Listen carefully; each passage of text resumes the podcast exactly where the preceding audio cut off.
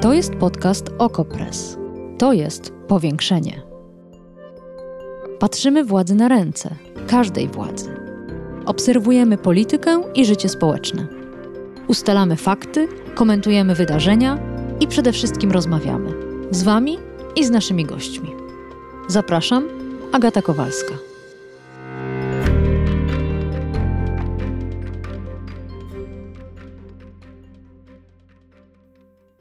Nas zaskoczył, przyznaje nasza redakcyjna specjalistka od rosyjskiej propagandy Agnieszka Jędrzejczyk i komentuje: 9 maja, w dzień zwycięstwa, Moskwa realizowała na Placu Czerwonym nawet nie plan B, tylko raczej C. Czego zabrakło? Jaką historię tym razem opowiadali nam kremlowscy fachowcy od wizerunku? I kim w tej opowieści był Putin? O tym wszystkim i o pogodzie dzisiaj w powiększeniu. Posłuchaj.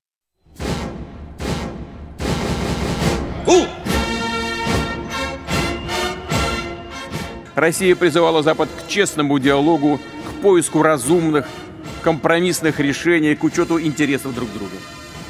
Все напрасно. Опасность росла с каждым днем. Россия дала упреждающий отпор агрессии.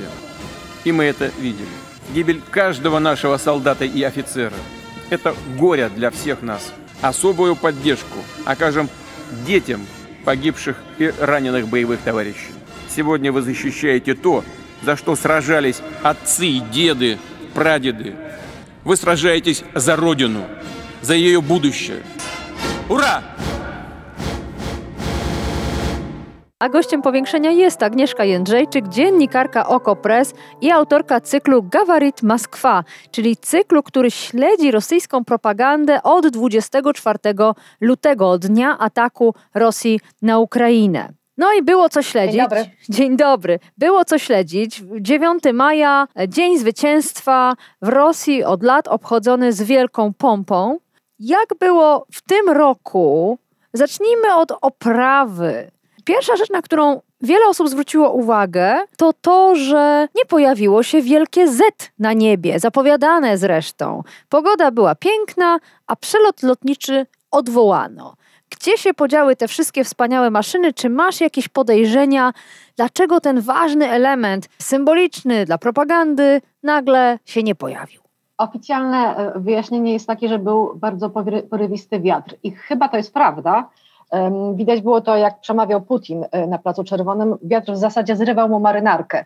Tutaj e, tym większy hołd dla Putina, że nie drgnął mu włos na głowie mimo tego wiatru, ale naprawdę było, to, wszyscy się skarżyli na złą pogodę. To było słonecznie, ale też był deszcz i było zimno. Ale to była bardzo skromna parada, to trzeba sobie powiedzieć. Ona była zapowiadana tak długo, tak bardzo propaganda ją grzała, że to, co zobaczyliśmy, to jeżeli to czytać w takim, taki sposób dosłowny, to to bardziej przypominało jakąś uroczystość pogrzebową niż wielkie święto.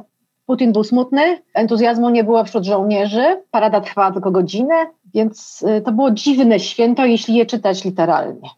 Trudno jest to zrozumieć, Dosłownie. bo to jest właśnie taki dzień, czy takie teraz miesiące, kiedy tym bardziej wydawałoby się, że Moskwa będzie chciała pokazać się jako silna, entuzjastyczna, zwycięska, niepokonana. A tu klapło. To znaczy e, i tak i nie właśnie, to jest bardzo ciekawe, e, że my czasami sami padamy ofiarami propagandy. Myśmy wszyscy oczekiwali, że Putin wyjdzie i powie, że nas wszystkich zamorduje i e, zmobilizuje wszystkich Rosjan. Ale to jest święto sakralne, to musimy sobie uświadomić. I to jest najważniejsze święto w, w roku Rosji. Jeżeli wierzyć sondażom, dwie trzecie Rosjan twierdzi, że to jest najważniejsze święto w roku. Ważniejsze niż Nowy Rok, ważniejsze niż Wielkanoc. Te trzy święta są świętami nowego początku. 9 maja jest najważniejszym świętem nowego początku, kiedy odradza się życie. To nie jest święto y, o bardzo długiej tradycji, bo w Związku Sowieckim y, nie świętowano go. Y, przecież świętem wiosny był 1 maja. Ale od kiedy się rozpadł ZSRR? I kiedy ludzie szukali jakiegoś sensu, poczucia, pod kim my jesteśmy, dlaczego jesteśmy, jaki sens ma być bycie Rosjaninem, czy też obywatelem Federacji Rosyjskiej, to to święto stało się fundamentalne zupełnie. I oni je świętują naprawdę głęboko. To przebieranie dzieci w śpioszki w kształcie y, mundurów żołnierskich to, to jest wyraz głębokiego przeżycia ich, ich wspólnoty. No i zobaczyliśmy coś bardzo dziwnego od strony właśnie skromności tych obchodów, ale jeśli potraktujemy to jako święto wiosny, to już to nie jest takie skromne. Nie wiem, czy zwróciłaś uwagę na taką, taki fragment, jak Putin przemawia, przewraca kartki swojego przemówienia. Mhm. Tam widać, jak dużym drukiem wydrukowany jest jego tekst. Tak. Prawda? E, to jest zdumiewające, że to zostało pokazane, bo to, że 70-letni mężczyzna bez okularów potrzebuje dużego druku, to, to nie jest nic dziwnego. E, ale to, że oni pokazali w tej mistrzowskiej aranżacji, ponieważ wczoraj na przykład wieści osobny kawałek poświęciły temu, jak mistrzowsko została sprawozdana defilada. Osobny materiał, który pokazywał, że tam były drony, że jeździły takie małe robociki, które zaglądały czołgom do gąsienic. Tam nie było żadnej improwizacji, to było kilkanaście razy ćwiczone. I teraz nagle widzimy ujęcie, w którym przywódca kraju przekłada kartki przemówienia i widać, że on po prostu jest bardzo starym człowiekiem. To dokładnie widzimy. No ale rzeczywiście tak było. To się pojawiło mniej więcej w 50 sekundzie tego przemówienia i później już chyba ani razu, to znaczy były zbliżenia z boku, ale kartki ucinano, wycinano z kadru. Więc o czym twoim zdaniem to świadczy?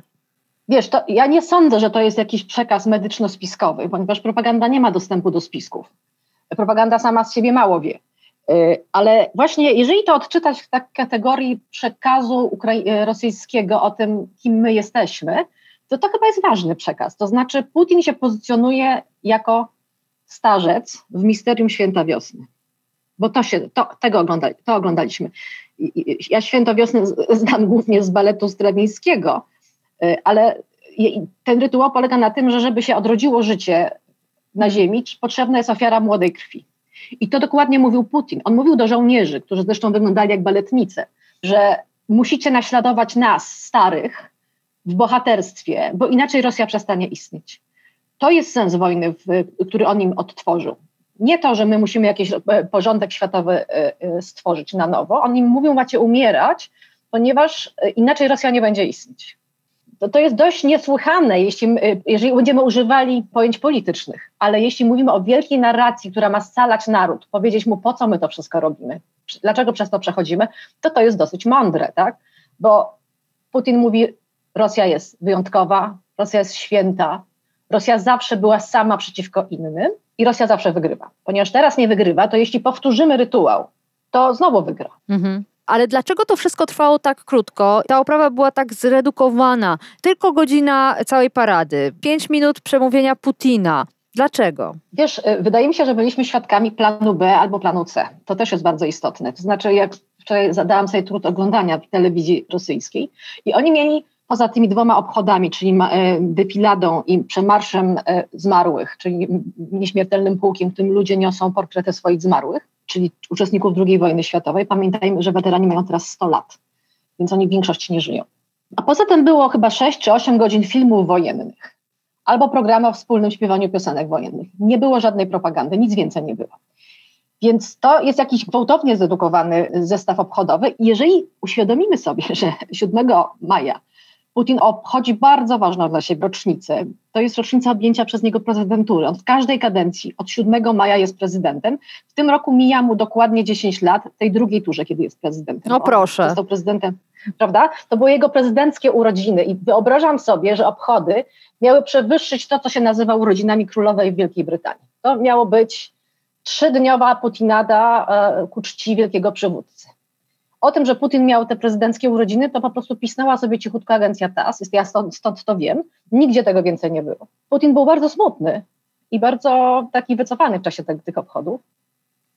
Więc zobaczyliśmy zredukowane obchody imperium, które w tej chwili przegrywa, ale w jakimś magicznym świecie, w którym ono się tworzy i przetwarza, ono wierzy, że jak jeszcze raz przejadą czołgi przez Plac Czerwony, to oni wygrają.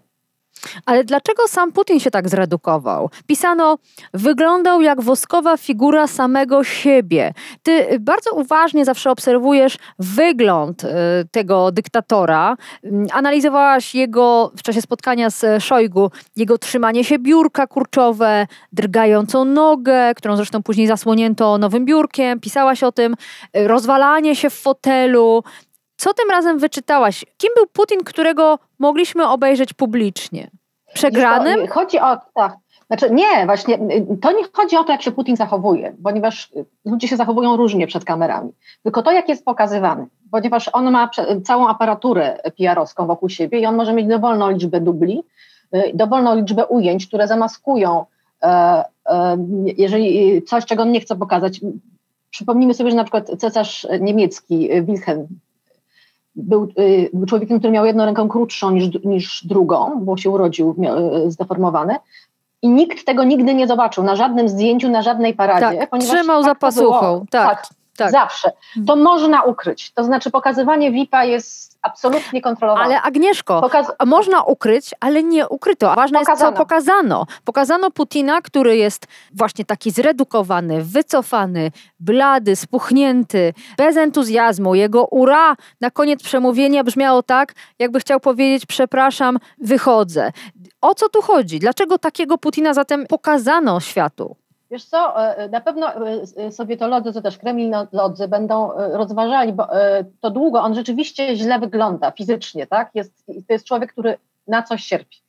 Ale ja uważam, że jeżeli to pokazano w taki sposób, to właśnie dlatego, żeby go obsadzić w roli starca, który odtwarza obchody święta wiosny, mówi do młodych, musicie się poświęcić, bo inaczej nie wróci taki mityczny porządek na ziemię. Y, on siedział w otoczeniu weteranów, dlatego że nie przyjechał do Moskwy żaden zagraniczny y, y, przedstawiciel poza ambasadorami. Nie, nie miał nikogo młodego koło siebie, miał starych ludzi i on sam był starcem. Tak został upozycjonowany. Ja, mówił Putin, zrobiłem wszystko, żeby uratować Rosję. Wypowiedziałem tę wojnę, bo inaczej by nas napadli, ale teraz wy musicie polec, bo jest potrzebna wasza krew. Hmm. Skoro wasi przodkowie umierali po to, żebyśmy zwyciężyli, to wy też musicie teraz umierać. I w jaki sposób publiczność rosyjska w tym rytuale bierze udział? Tam było widać ludzi, którzy mówili tak, pabieda, budiet za nami. To mówili młodzi i starzy i oni to mówili właśnie nie dlatego, że sami chcieliby polec, tylko brali udział w tym święcie po prostu. Hmm. W ramach tego święta wiara w to, że jeżeli my um, zgodzimy się na śmierć tych żołnierzy, którzy tam maszerują przez plac, to będzie wszystko dobrze, jest jakby spójna. To, że ona jest okropna dla tak, nas, przerażająca. to jest inna rzecz. Tak. Ale to znaczy, oni się przygotowują na bardzo długą wojnę. To mi się wydaje, że to znaczy.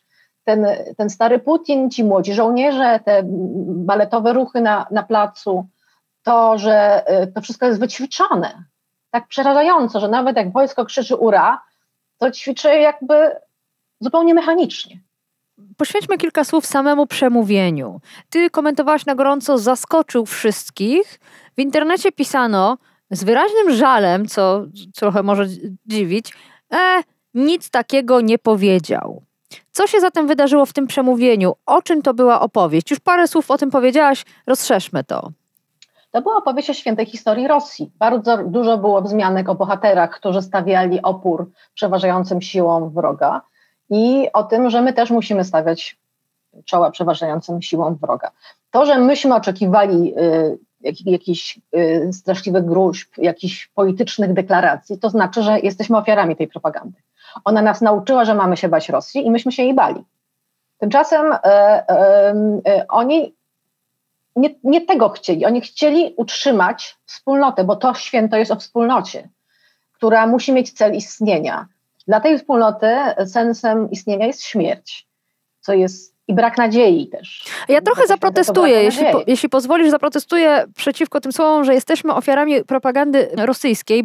Ja, jeśli już rozszerzyłabym to na po prostu y, ofiary propagandy wojennej jako takiej. To znaczy wyobrażamy sobie, że jeśli jakiś kraj toczy wojnę agresywną, to skupia się ta wspólnota, jak o niej mówisz, wokół tej wojny.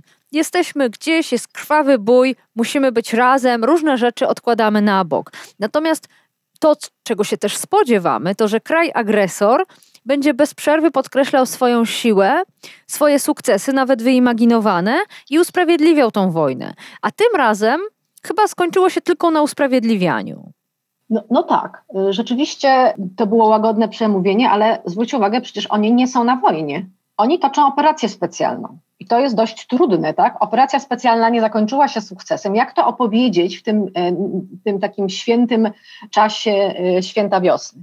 Więc e, oni mówili, on mówił do Rosjan, on mówił o tym, że się musimy poświęcać, że świat jest zły, że owszem, na świecie bywają dobre osoby, niektórzy walczyli wspólnie z nami, te, te dobre osoby Amerykanie, nawet Brytyjczycy, Francuzi, Chińczycy walczyli razem z nami, ale generalnie świat zewnętrzny jest zły i podły. Tam my czcimy naszych poległych, on to mówił, potem telewizja radośnie podjęła ten wątek, a na zachodzie to nie czczą poległych, tylko właśnie ich demontują pomniki, obrażają dyplomatów. Więc y, my jesteśmy przedstawicielami świętej wspólnoty. To, to nie było o wojnie, to było o trwaniu. A pojawiło się słowo Ukraina? Nie. Nie, było, był święty Donbas oraz nasze święte ziemie, e, rdzenne święte ziemie w postaci Krymu. To jest święta. E, Czyli nie było o Ukrainie, było o Rosji. O terenach było rosyjskich. O, Rosji, to, to, o istnieniu Rosji. Hmm. O tym, czy ona przetrwa e, w swojej takiej wyjątkowości. O tym też mówił Putin, że Rosja jest wyjątkowa, że chci, chciano ją upodobnić do Zachodu, a ona nie może być jak Zachód, bo ona ma swoje wartości, swoją tradycję, swój tryb życia i tego trybu życia trzeba bronić, umierając.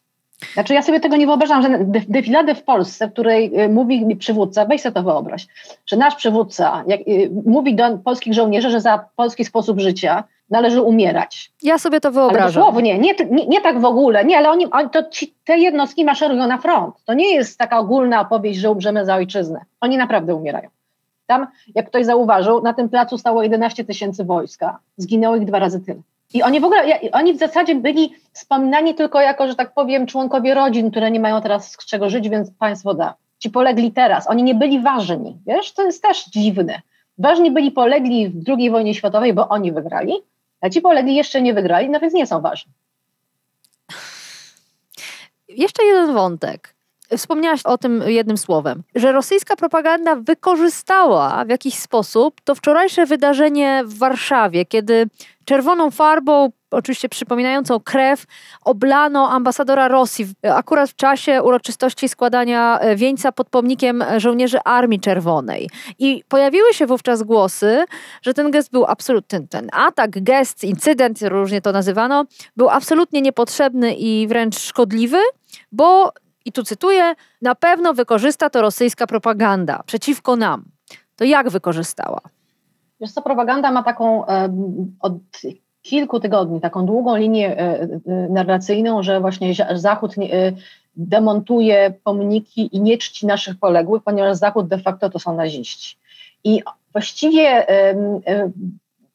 już teraz nie mamy informacji o tym, jak wyglądają sankcje, jak dotykają sankcje gospodarcze e, Rosji, ale jest mnóstwo informacji o tym, że tu zdjęli pomnik, tam go oblali czerwoną farbą, tu go pomalowali na niebiesko-żółto, e, że e, ktoś komuś nie pozwolił składać kwiatów. To jest stały wątek w tej chwili tej propagandy, więc myślę sobie, że dyplomaci rosyjscy jasno wiedzieli, nikt im nie musiał tego mówić, bo oni od tego są dyplomatami, żeby takie rzeczy wiedzieć, że jeżeli stanie się takie cudowna rzecz, że ktoś nas obleje farbą, coś nam zrobi, to mamy godnie się zachować, dać się sfilmować godnie, a następnie będziemy ten wątek ciągnąć. Hmm. Y, o tym, że Polacy są nazistami, że Polacy są zakłamani, propaganda mniej więcej 10 dni odkąd pojawił się wątek, że Polacy chcą odebrać Ukrainie jej, jej zachodnie ziemię, że to jest głównie cel tej wspaniałej pomocy, jaka Polska, jaką Polska świadczy y, y, Ukraińcom. Y, Polska jest zakłamana i oto mamy dowód, tak? Oblali farbą ambasadora, który tylko poszedł złożyć kwiaty poległym chłopcom. No to oczywiste jest, że się musimy bronić przed tym straszliwym światem, bo co by było, gdyby tacy Polacy przybliżyli się do granicy Rosji? Możesz sobie to wyobrazić? A jeszcze, bo rzeczywiście od 24 lutego stałaś się y, specjalistką od czytania w słowach propagandy, od y, próby zrozumienia między wierszami, co tam się dzieje. No to konkretny przykład. Y, wczoraj, zaraz po tym ataku na ambasadora mm, w Warszawie, rzeczniczka rosyjskiego MSZ-u, Maria Zacharowa, powiedziała o tym, Atak na ambasadora Rosji w Warszawie odzwierciedla kurs Zachodu na odrodzenie faszyzmu. Atakując ambasadora Rosji w Warszawie, fani neonazizmu ponownie odsłonili swoją zakrwawioną twarz. Co to jest za popis i słowotok? To, no to jest klasyczna nowomowa, taka propagandowa, ich język, którym rzeczywiście, ale widać, że, że rzeczniczka Zacharowa ma doskonale te różne narracje wyćwiczone, ona wie o co chodzi, ona rozumie. Tak? Doskonale? tak na... Mnie się zdaje, doskonale... że tutaj ona połączyła niepołączalne wątki. Fani tak, neonazizmu ale... mają zakrwawioną twarz, ale to przecież tak ambasador był oblany farbą. Dokładnie, ale ona składa narracje, które mówią, że na Zachodzie odradza się nazizm, że nazizm jest krwawy, że nazizm atakuje, że atakuje bezbronnych. To ona mówi, tak? To, że to jest psibełkot, jak się to lingwistycznie rozłoży, to zgoda. Natomiast to, że, że w ciągu tych już prawie trzech miesięcy stało się to, że operacja chirurgiczna, drobna, po prostu wchodzimy, załatwiamy sprawę, wychodzimy, wszyscy są szczęśliwi, tak? Zamieniła się w wojnę światów, w wojnę światłości i ciemności z wątkami antysemickimi, bo pamiętajmy o tym, że oni to też wpuszczają, że mamy do czynienia ze światowym spiskiem wiecie kogo, który chce zapanować nad światem i spowodować totalny głód, żeby biedni ludzie byli poddani wiecie kogo. Słynna awantura z Ławrowem, który mm, powiedział sobie przed telewizorem, tak mu się nagle skryło czołowemu dyplomacie. No ale potem Krem przepraszał, Krem przepraszał za to. Przepraszał, ale nie przepraszał, mhm. ponieważ oficjalnie to nie zostało powtórzone. Natomiast wpuszczenie takiego antysemickiego szczura dla propagandy, tej prawdziwej propagandy, która sobie w czeluściach sieci żyje i może teraz po prostu spokojnie potwierdzić, że Biden z Żydami i z, i z nazistami i z Ukraińcami, tam wymyśl sobie co chcesz. Aha, i, i jeszcze z czarną magią, bo pojawiła się też czarna magia. Oni to wszyscy spiskują przeciwko Rosji, która musi w związku z czym, żeby te czarne, ciemne moce zatrzymać, musi złożyć ofiarę z ludzi. Jesteśmy w świecie magicznym. Przyjrzyjmy się temu w takiej już szerszej perspektywie od 24 lutego. E, w swoim cyklu Gawarit Moskwa i teraz tu, też w naszych rozmowach w podcaście Powiększenie, odtwarzałaś zmiany narracji, e, odcinki można powiedzieć. To jak propaganda nie tyle dostosowywała się do rzeczywistości, co odpowiednio e, tę rzeczywistość na nowo opisywała. Czy Twoim zdaniem ta opowieść, którą poznaliśmy 9 maja, zostanie już z nami teraz na długo? Innymi słowy, i wojna, i ta opowieść o konieczności przelania krwi za Rosję będzie się e, teraz ciągnęła długimi tygodniami. To trochę tak wygląda w tej chwili. Ja się właśnie tego boję, że oni niniejszym ogłosili wieczną wojnę, która będzie długo, bardzo długo trwała, bo już schodzi, weszła w rytm e, e, pór roku. I e, dzisiaj przeglądałam agencję i tam nie ma nic nowego, nic się nie dzieje, nic. Nie ma żadnych nowych obwieszczeń. Nadal zdobywamy miejscowość Popasna, znaczy już ją zdobyliśmy, ale ten komunikat wojskowy jest o tyle bezsensowny, że ilu Rosjan wie, gdzie jest Popasna? a ona, ta miejscowość jest zbombardowana od początku wojny. Od początku wojny wychodzi rzecznik MONU, mówi, że zbombardowaliśmy miejscowość Popasna, codziennie. Dzisiaj zdaje się, że ją tak zbombardowali, że Ukraińcy się przesunęli troszkę w bok i oni tę Popasną zdobyli. To jest jakaś straszna pierwsza wojna światowa, która nie wiadomo jak długo będzie trwać. Oni jak gdyby wczoraj właśnie bardzo wyraźnie powiedzieli, że to jest częścią naszego losu że będziemy się z tym zmagać, bo inaczej nie bylibyśmy Rosjanami, że to jest wszystko normalne, że mamy wojnę. Ale gdybyśmy tej wojny nie prowadzili, to nie bylibyśmy dumnym rosyjskim narodem, bylibyście nikim. Bylibyście nic nie warci, nie mielibyście żadnego osiągnięcia w życiu. A tak przynajmniej macie to, że wygrywacie wojny. Bo jedną wygrywa, wygraliście, a drugą, no, poczekamy. To już zupełnie na koniec. Czy wczorajsze wieści, które były, jak widać, bardzo zapracowane i zajęte omawianiem 9 maja, wspominały jakoś i oczywiście w jaki sposób o decyzji mm, prezydenta Bidena o przekazaniu pomocy o wartości 33 miliardów dolarów Ukrainie? To jest ten Act Land and Lease. Czy to się pojawiło? Nie, to w ogóle nie było nic y, o tym, co się dzieje w rzeczywistości. Było tylko jedna migawka z przemówienia prezydenta Zełenskiego, który mówił, my Ukraińcy walczyliśmy z nazizmem, tak jak teraz bronimy się przed, y, bronimy naszej ojczyzny przed nazizmem, bo Zełenski dokonał tego zwrotu. Pokazano to? Pokazano to, ale po tym był bardzo długi reportaż, który tłumaczył, że to wszystko jest nieprawda, ponieważ żołnierze ukraińscy mają naszywki nawiązujące do oddziałów wojskowych, które biły się o Ukrainę y, razem z Niemcami w czasie II wojny światowej. Więc y, musieli to powiedzieć i to była jedyna współczesna wiadomość tak naprawdę. Calusieńkie, półtora godzinne wieści były poświęcone temu, jak obchodzimy Dzień Zwycięstwa. To jest swoją drogą też coś niesłychanego, no chyba, że bierzemy udział w uroczystości religijnej, to wtedy te rytuały trwają długo, prawda? Nie było wiadomości, to była, to była kolejna msza. I trwała chyba dłużej niż cała parada. To też interesujące. Tak, tak, tak, zdecydowanie. Bardzo dziękuję. Agnieszka Jędrzejczyk, dziennikarka Okopres, autorka cyklu Gawarit Moskwa, który na naszych łamach od 24 lutego przygląda się rosyjskiej propagandzie piórem oczywiście tej autorki. Bardzo dziękuję Ci za spotkanie.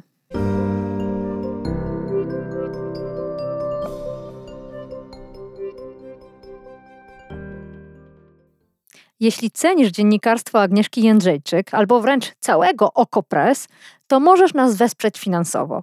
Możesz też zostać naszym stałym subskrybentem i sponsorem, bo to właśnie dzięki Wam, słuchaczom, słuchaczkom, czytelniczkom, czytelnikom, utrzymujemy niezależność. Jak nas wesprzeć? Jak prenumerować? To wszystko na stronie oko.press. Nieustannie też zachęcam do kontaktu. Mój adres to agata.kowalska małpa oko.press. Można do mnie wysyłać nie tylko komentarze, ale i oczywiście swój wymarzony temat podcastu.